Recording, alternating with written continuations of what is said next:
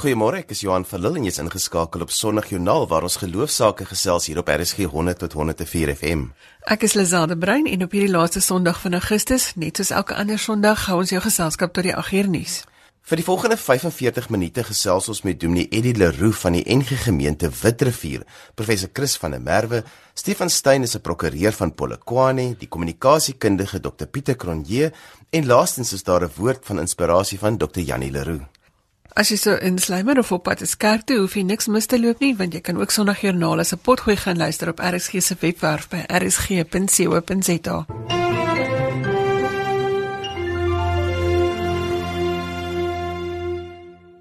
In Witterfuur in die Laagveld van Mpumalanga het 'n bediening ontstaan waarin 'n Ethiopiër met 'n NG gemeente hande geneem het om in die omgewing na mense uit te reik. Ons gesels vanoggend met Dominee Eddie Leroux van die Witterfuur NG gemeente om hier te gesels. Môre Eddie. Hallo.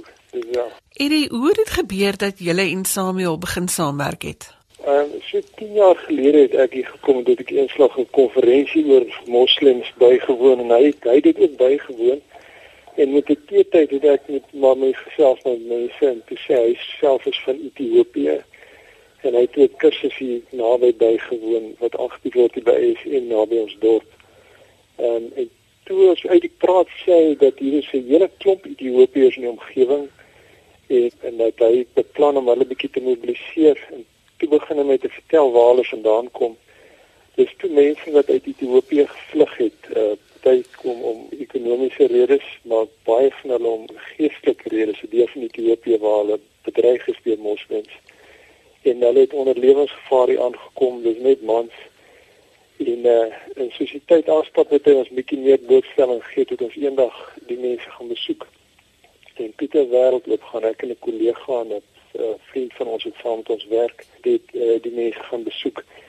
En uh, hulle is in die dag hulle is in so 'n plek waar hulle self aan besig hou met speletjies en goed en dan in die aande uh hulle verkoop linne, 'n baie hoë gehalte linne vir baie goeie pryse. En in die aande werk hulle eintlik En toe kom ons agter die mense is almal toegewyde Christene en dis 'n verstommende klomp mense. Hulle is voor regtig gemaklik en veilig daar. En so het ons al meer met hulle te doen gekry en en het hy later uh vir ons gesê maar goed, hulle het beperkings omdat hulle nie burgers is nie, kan hulle nie bankrekeninge goed open nie. En ons het net op tyd uitgevind dat die mense het baie hoë agting onder die plaaslike bevolking ook. En hulle het baie baie hoë morele standaarde en uh, omdat hulle toe beperk is in wat hulle kan doen het ons met die tyd meer en meer betrokke begin raak. So watter bystand gee julle as gemeente vir hom? Wat hy toe gedoen het, hy het hierdie mense in, in begin mobiliseer. So het 'n gemeente plaaslik gestig en toe gemeentes in die omliggende dorpe Belfast en Witbank en en Ermelo en so aan. Hulle is byvoorbeeld dra baie toegewyd finansiëel by. As, as hulle enige transaksie gedoen het, gee hulle onmiddellike tiende van dit gooi hulle in 'n bussie. En 'n klein groepie van hulle, ons praat van groot bedrae, jy weet, kan nou die verkooptyd maak hulle dis 'n miljoen rand in mekaar. En hulle wou toe nou gebou want hulle sukkel om plekke te kry waar hulle kan kerk hou. Hulle het gebruik sale en goed, maar hulle is uit hulle kan dit nie gebruik as hulle pas nie. En ons het ook nog gehelp met trust gestig om om eiendom te kan koop. Um, en 'n ander baie belangrike deel van hulle het 'n geweldige ding oor hoë standaarde, weet oor oor geestelike toerusting. En dan nooi hulle mense uit Ethiopië om om hulle mense te kom toerus. Maar die mense uh, kan nie deur erkende kerke genooi word, bestaande Suid-Afrikaanse kerke. So ons gemeente het daar 'n rol begin speel dat ons die mense nooi uh, wat hulle dan kom toerus en om hulle te help om om eiendomme te bekom. Hulle doen baie aktief sendingwerk onder onder ons plaaslike bevolking en hulle doop honderde mense per jaar. Dit is regtig aandoenlik. Ons woon nou altyd die doop by. Hulle gebruik ons gemeente ook om die leiers op te lei wat hulle uitstuur vir evangelisasie en dit is gewone dit mense van ons omgewing. Ons is daarbey ook betrokke. Ons program gaan baie oor die individu se geloofspad. Ek wil dan vir jou vra, hoe het jou werk saam met Samuel as individu beïnvloed? Sjoe, dit het my lewe verander. Ehm um, ek het ek besef dat ons baie gereserveerd geweet het. Mense is amper so 'n bietjie arrogant oor ons vermoëns en geestelike standaarde en alles. En my bloedvang in Ethiopië is in die wêreld opgesluit. Ehm um, Hulle het 'n geweldige gestruktureerde plan waarmee hulle werk. Ons het baie meer 'n lukraak plan jy leer waar mense met organisasie te doen en hulle doen maar wat hulle kan. Hierdie ouens het eh, gaan sit met iemand en sê goed, hoeveel mense beplan jy om te bereik vir die Here in hierdie jaar? En so het hy na Ethiopië toe gevat om daar te gaan sien hoe hulle dit doen en en daar het 'n wêreld vir my opgegaan. Die leiers wat hulle hier na toe nooi is uitstaande mense, regtig teologies diep onder lê. Iets wat ek by hulle geleer het is dat hulle 'n mentorstelsel daar het uh, omdat baie mans wegwerk van hulle huise af. En dit by ons 'n baie groot probleem is dat kinders sonder mans groot weet is ons mans in huishouding groot word die gesagrol nie verstaan nie. Het hulle 'n mentorstelsel waar elke mens uh, iemand bo jou as mentor wat ons nou ken 'n aktiewe mentor wie jy tyd spandeer dan jy iemand op jou ouderdom met wie jy aan wie jy verantwoordbaar is want elkeen selfs die jong mense het iemand onder jou wat by jou toe kom en by jou kom leer. So hulle het wat dit betref 'n stelsel wat oor jare opgebou het en wat ek verskriklik baie by leer. En dan het hulle 'n gewellige erns rondom die organisasie. Ehm um, hulle hulle gebruik hulle kans, hulle laat jouself oplei. Hulle het 'n gewellige hoë morele standaarde. Dit hulle wil sê as jy Christen is, moet jy dit ernstig wees hulle kerkdienste is ek het, het, het as hulle byvoorbeeld in die oggende aankom vir as hulle aankom in die kerk inkom kom nie hulle vir 'n trente uur lank wat hulle net bid voor die diens begin. Ehm uh, so dis mense wat 'n geweldige erns maak met hulle geloof. Ek het uit my kontak met hulle het dit regtig 'n nuwe diepte in my geestelike lewe gebring en my standaarde verhoog. Eddie baie dankie dat jy julle storie ook vanoggend met ons gedeel het. Dis 'n voorreg vir my, dankie. Lisel het gesels met Dominee Eddie Leroux van die NG Gemeente Witrifuur oor hulle werk saam met Samuel Kembo. As jy sopas ingeskakel het, sê ons goeiemôre. Dis Sondag Joernaal saam met Johan en Lisel waar ons fokus op geloof en godsdiens. Gemaak gerus 'n draai op RSG se webblad by rsg.co.za vir inligting oor ons gaste vandag. Ons gaste se kontakdetail is ook op Sondag Joernaal se Facebook bladsy. Chris van der Merwe is 'n letterkundige wat jare lank aan die Universiteit van Kaapstad verbonde was en hy sluit vanoggend by ons aan om te gesels 'n bietjie oor trauma, maar 'n bietjie meer as dit oor die feit van hoe letterkunde en geloof bymekaar uitkom. Môre Chris. Goeiemôre Lisel. Chris, jy is eintlik 'n letterkundige. Hoe het jy by die teologie uitgekom? Is daar 'n verband tussen hierdie twee dissiplines? Wel, van twee kante sou ek sê is daar 'n verband. Ek was nou jare lank het ek oor die letterkunde, veral oor die prosa kunsklasse gegee by die Universiteit van Kaapstad. En ek het altyd gevoel dat daar in die letterkunde is daar 'n spirituele element. Dit hoef nie altyd Christelik te wees nie. Maar as 'n mens begin soek na betekenis, dan kom jy uit by spiritualiteit. Maar die ander kant van die ander kant af is die Bybel die grootste literêre werk wat ek van weet. Jy is nog 'n voorstander daarvan dat geloof en die kunste bymekaar uitkom in die praktyk. Ja, ek dink dikwels ek onthou Bertha Smit het eh, jare gelede het gesê die kerk glo die antwoord, maar baie dikwels uh, gee die kunste vir jou die vrae, die dinge wat regtig saak maak en wat vat die die wonde eintlik van ons tyd. En vir my was dit baie wonderlik toe ek afkom op 'n aanhaling van NP van Wyk Lou uit sy gedig Beeld van 'n jeugduif en perd waar hy sê waar die woorde voorkom dat die aarde en elke aardgebeurtenis tesame een groot vertelling is van God en ons en deur homself vertel. En dit was vir my wonderlik dat die gedagte dat ek wat oor die verhaalkunsklas gee, gelei word na God se groot verhaal, dat die geskiedenis eintlik God se groot verhaal is. En dat God eintlik vir ons 'n plek wil gee in sy verhaal. En dit het my gebring by die titel van my boek Gesprek sonder einde.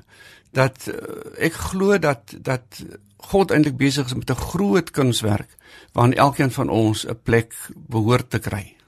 Jy het jou eie kunswerk en jou eie gedagtes op papier gesit soos wat jy ook nou verwys het na die gesprek sonder einde. Maar Chris, daar's 'n ander ding op 'n meer persoonlike vlak. Die media het berig oor jou suster Winnie Rust se dood en die feit dat sy vermoor is. Kan 'n mens se geloof standhou wanneer so trauma die familie tref? Uh, ek sal moet 'n bietjie van 'n ompad antwoord en sê dat ek het die laaste jare van my akademiese loopbaan baie gewerk rondom verhale oor trauma. En na tyd het ek besef maar in die hart van die evangelie waarin ek glo is een geweldige trauma. En vir my is trauma word dit veral gekenmerk deur die feit dat jy wat jou lewe beplan het, wat mooi jou verhaaltjie uitgedink het oor jou lewe, dan kom die trauma en hy hy verpletter daai verhaal eintlik dat jy eintlik van voor af weer 'n verhaal moet kry. En vir my was dit 'n groot troos om te weet dat in die hart van die evangelie is daar een groot trauma. As mens kyk na Jesus wat gekom het as verlosser van die wêreld, wat gekom het om Israel te red. En dan kom hy na eh, Jerusalem en dan wil niemand hom hê nie. En dan kyk hy na die tempel en hy sien hierdie tempel gaan afgebreek word en dan huil hy. En dan kom hy uiteindelik by Getsemane in by Golgotha. So dis een geweldige trauma om van die disippels nie te praat nie, né? Die disippels wat gedink het maar ons gaan aan sy regterhand sit en ons gaan groot mense menere word. Ehm um, wat langs Golgotha gestaan het en gevoel het alles val uitmekaar. Maar die wonderlike ding van die Christelike verhaal is dat trauma nie die laaste woord praat nie. Dat die trauma van die Bybel gevolg word deur 'n opstanding en deur 'n uitstorting van die Heilige Gees wat vir hierdie disippels 'n nuwe verhaal gegee het, veel meer betekenisvol as wat hulle ooit kan dink. By Winnie se dood uh, uit te kom, kyk, ek dink dit is futiel om te probeer sê hoekom het dit gebeur? Want jy kan nie daarvan sin maak nie. Maar ek bly tog nog glo dat dat eers uit slegte dinge goeie dinge gebore kan word en ek ervaar dit eintlik dat daar uit daardie slegte ding wat jy nooit kan goed praat nie, dat daar tog eers nuwe betekenisse tot stand kom. Mense kan rondom die gebeurtenis gesprekke aanknoop rondom geloof. Hm. My vraag is, hoe bly 'n mens glo in die liefde van Christus, die liefde wat ons as Christene moet uitleef? In 'n tyd soos hierdie waar ons so oorweldig word met moord, korrupsie, al hierdie goeters wat net om ons gebeur. Hm. Ek sou sê mense moet eerstens met mense onthou dat die koerante gee veral die die gebeurtenisse wat wat sê maar vol trauma is. Maar dat daar baie goeie verhale is wat nie altyd so die nuus haal nie. En kyk ons word geroep om God se koninkryk op aarde te laat kom en dan kyk jy mense rondom en jy dink o, mag jy maar hier gaan dit gaan nooit gebeur nie. Maar laat ons aan die ander kant daarna ook anders daarna kyk. Dat as ons nie eers in ons omgewing liefde saai nie, dan word dit 'n hel op aarde. En dit is baie maklik ons weet uit die geskiedenis dat die hel ook ehm um, op aarde geskep is. Dus ek sou sê alhoewel ons nou nie die paradys eh, noodwendig op aarde kan skep nie, kan ons wel keer dat dat die hel op aarde tot stand kom. En jy weet as daar nog tyd is, wil ek net vinnig van 'n gedig vertel wat ek so graag aanhaal. Dis 'n Nederlandse digter, J.H. Leopold. Die, gedig het 'n Griekse titel, Oinou Stalagmon, wat beteken 'n druppel wyn. En dan vertel hy in daai gedig hoe dat daar wanneer haar skip um, te water gelaat word uh, uitvaar, dat daar 'n bottel wyn word daar gebreek. En dan vertel hy ek gaan net op die een druppeltjie wyn gaan ek nou sy spoor volg en ek sien ek hy word wyer en breër en hy meng uiteindelik met die ganse oseaan. En dit is my antwoord. Jy weet sonder daai druppeltjies wyn eh, sit ons in 'n groot probleem. En ek dink dit is wat 'n mens moet onthou dat as dit nie vir daai druppeltjies wyn is nie, dan het ons hel op aarde. Baie dankie dat jy vanoggend so 'n bietjie vir ons die taal wat ons praat ontsluit het. Dit was 'n groot plesier. En so gesels professor Chris van der Merwe oor die keuses wat ons maak en waar God in ons lewe inpas tydens trauma.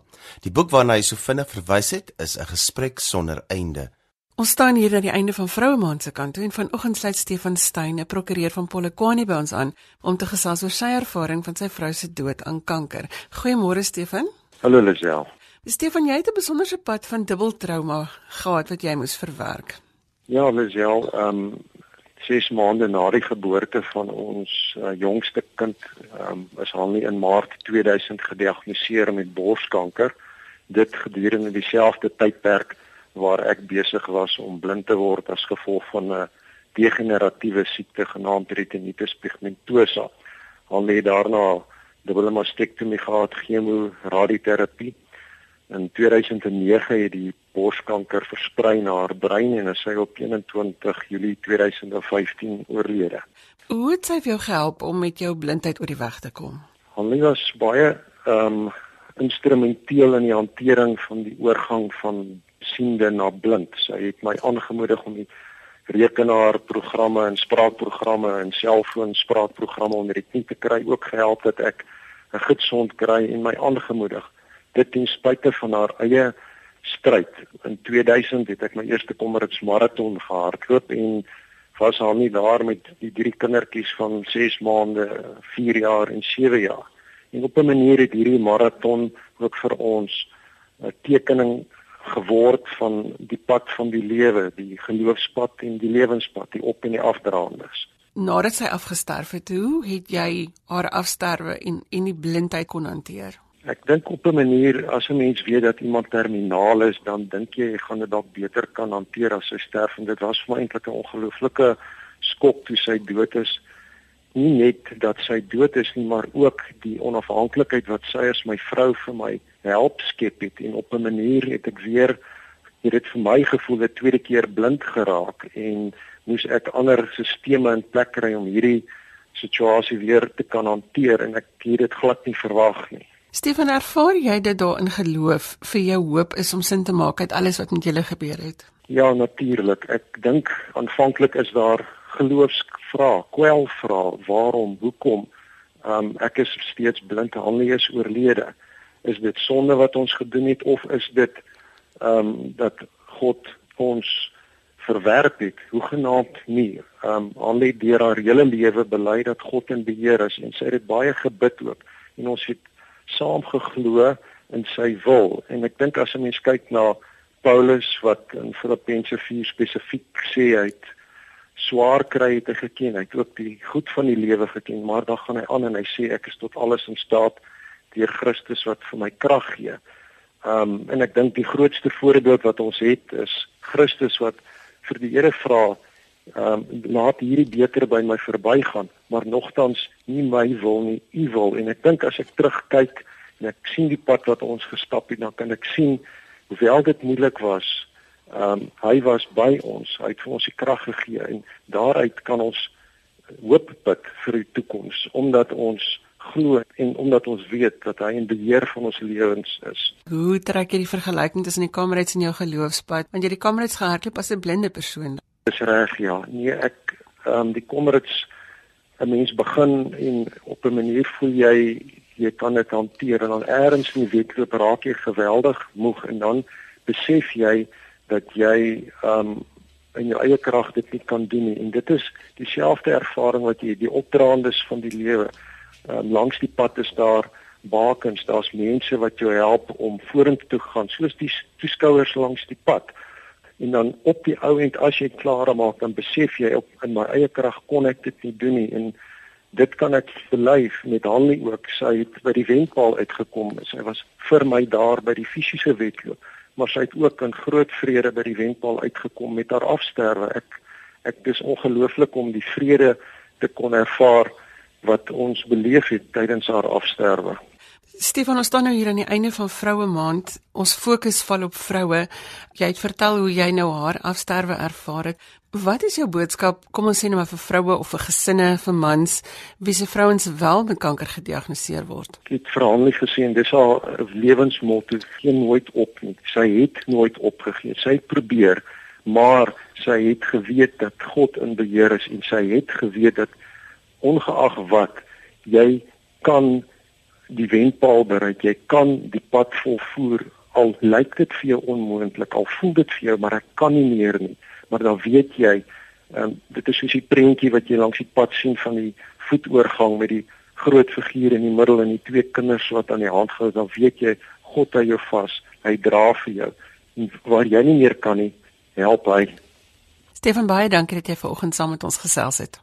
Baie dankie vir die geleentheid. Dit was die stem van Stefan Steyn, 'n prokureur in Polokwane, wat gesels het oor sy blind word en sy vrou se afsterwe. Jy's ingeskakel op RSG, die program is Sondagjoernaal, en soos jy kan hoor, is ons albei vanoggend maar 'n bietjie verkoue, maar ons hou die blinkkant bo. Ons almal ken die groot handelsmerke wat ons graag aan ons voete dra of wat ons drink, maar dink jy ooit daaraan dat jy as 'n gelowige of as 'n leraar of as 'n gemeente ook 'n handelsmerk is? 'n Soort van 'n handelsmerk vir jou geloof. Pieter Kronje se kenner op die gebied van kommunikasie en handelsmerke en hy kom gooi vanoggend weer 'n klip in die bos oor geloof as 'n handelsmerk. Goeiemôre Pieter. Goeiemôre Lisel. Pieter, dit is inderdaad so dat ek 'n verteenwoordiger van my geloof is. Hoe moet ons hieroor dink? Ons werk met 'n uh, aardse missie, Bybelse opdragte en onder opdrag van een uitvoerende hoof. Maar ons leef in die wêreld en ons bedien mense Ons werk tussen mense en in hierdie tydsgewrig van 2016 nie 10 eeue na Christus of 1820 nie. So ons leef in 'n wêreld wat vol handelsmerke, tegnologie en eie tydse idiome is. En dit is so dat jy 'n mens werklik eers verstaan wanneer jy sy agtergrond, sy denk en sy verwysingsraamwerk ken. En veral met jong mense en selfs ouer mense speel handelsmerke 'n baie belangrike rol. Daarmee sê ons glad nie dat ons die kerk en geloofsakel wil reduseer tot 'n kommersiële entiteit nie, maar ek dink tog as ons 'n bietjie gaan verstaan waaroor handelsmerke gaan, gaan dit vir ons 'n baie nuttige konteks en perspektief gee waarmee ons ons gemeentelewe en ons bediening kan voer. So wat is die dinge wat ons gedagte moet hou wanneer ons oor onsself as 'n handelsmerk dink, oor ons geloof oor 'n handelsmerk dink? Ons dink allereers aan onsself uh, in by wyse van ons beroep. Ons is of 'n onderwyser of 'n dokter of 'n leerder of 'n dominee. Maar ons vergeet dat ons ook 'n bemarker is, ook 'n kommunikator is en dat ons ook 'n handelsmerk is. Kom ons sê wat 'n handelsmerk nie is nie, is 'n logo of 'n wapen of 'n simbool. Dit is net 'n visuele vergestalting. 'n Logo is in werklikheid wie jy is, wie jy nie is nie, wat jy doen, hoe jy dit doen oor tyd. En 'n handelsmerk word dan oor tyd gebou. Daar's vier dimensies, sê Thomas Gerd, die handelsmerkkenner van Swede wat ek ontmoet het. Eerstens is die funksionele dimensie. Wat is jou diens en wat is jou produk? Dis konkreet, dis meetbaar. Die tweede dimensie is wanneer ek met jou interaksie het. Hoe leer jy my meer van die lewe? Wat verstaan ek beter? Met ander woorde, wat is die waarde wat jy vir my toevoeg bo en behalwe jou produk en diens? Ten derde wil ek weet dat jy waardegedrewe is, dat dit nie net vir jou gaan oor geld of ego nie. Dit gaan vir jou oor dieper waardes wat saak maak en waaroor ons kan ontmoet. Ten laaste is dit vir my lekker as ek positiewe, opheffende, konstruktiewe interaksie met jou het. 'n Gemeente wat bruis en borrel is mos nou lekker om by te hoort. Nou as jy al vier daardie goed doen, of in 'n besigheid, of in 'n professie, of in 'n gemeente of in jou bediening, dan spreek jy tot mense se denkraamwerk en tot hulle moderne idioom en dan verstaan jy iets van jou bedieningsdimensie sonder om jou geloof te vervlak. Ons dink nie so 'n kompartemente oor hoe ons geloof verteenwoordig nie. Dit is so. Uh, uiteindelik moet 'n mens net jou geloof uitleef en jy moet dit doen eerder as om daaroor te praat. Dit is my interessant. Ek dink dit was Sastron Hoërskool wat die skoollese gehad het facta non verba, Latyns vir dade nie woorde nie. En uiteindelik moet 'n mens jou geloof uitleef.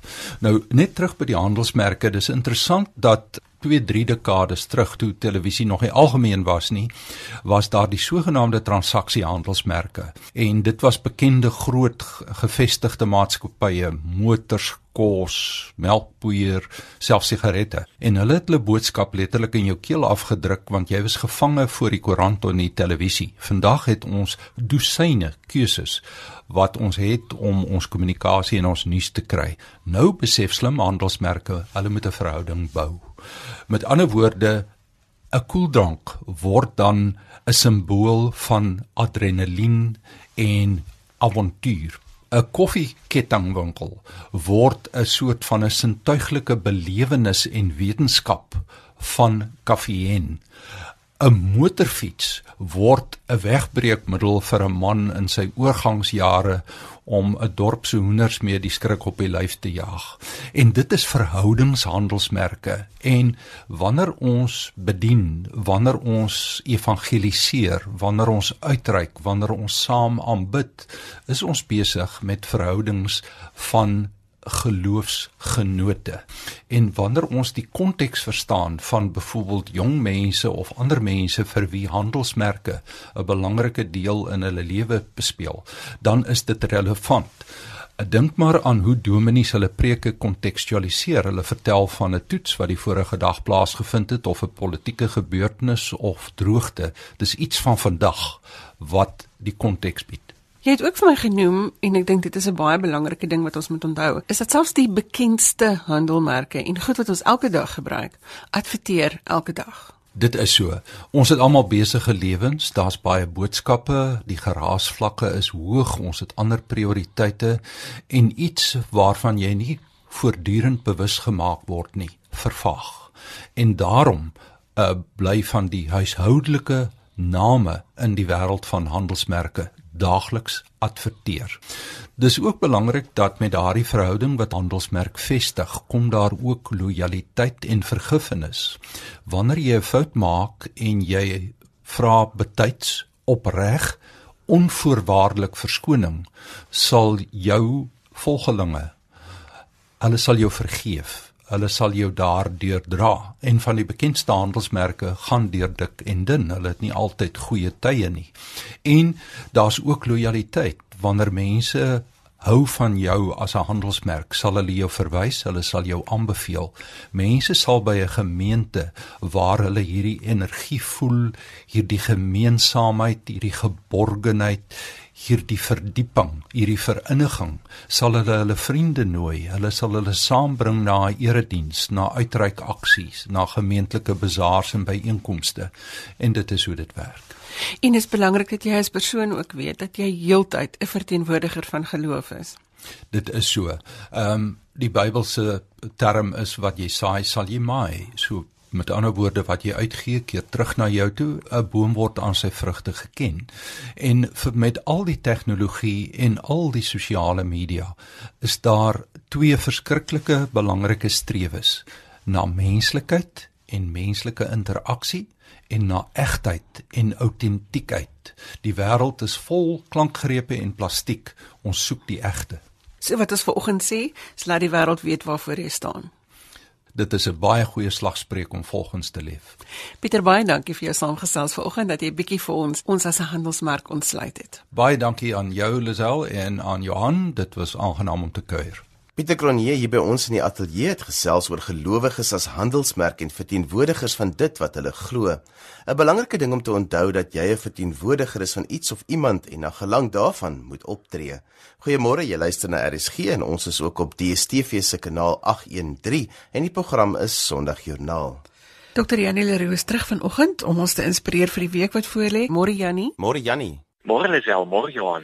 Janie, jy gesels vanoggend met ons oor trauma en die asem van God in ons, maar jy het self 'n rukkie gelede trauma beleef. Mense kan verskillende traumas ervaar. Party mense beleef dit wanneer 'n kind of iemand vir wie hulle lief is sterf, of hulle beleef 'n lewensbedreigende situasie of siekte, of hulle het 'n ervaring wat ontsettende angs veroorsaak. Trauma kan liggaamlik wees, maar ook emosioneel. Letterlik beteken die woord trauma in die ou Grieks beteken dit wond. Dis om gewond te wees of gewond te voel. Nou my lewe in 'n intensiewe eenheid het begin na Saterdagoggend se geweldige duiseligheid en ook verlies aan balans. So vir 2 weke vooraf was ek geweldig kort asem. Ons het maar gedink is bronkietis en is so behandel. Toe my dokter vir my sê staan en maak toe jou oë, dis dit baie aardig. Ek begin heen en weer wieg soos vir omval. En nadat ek my oë weer oopgemaak het, bedui hy vir my loop op 'n reguit lyn. Ek begin loop, maar ek loop die lyn heel mis.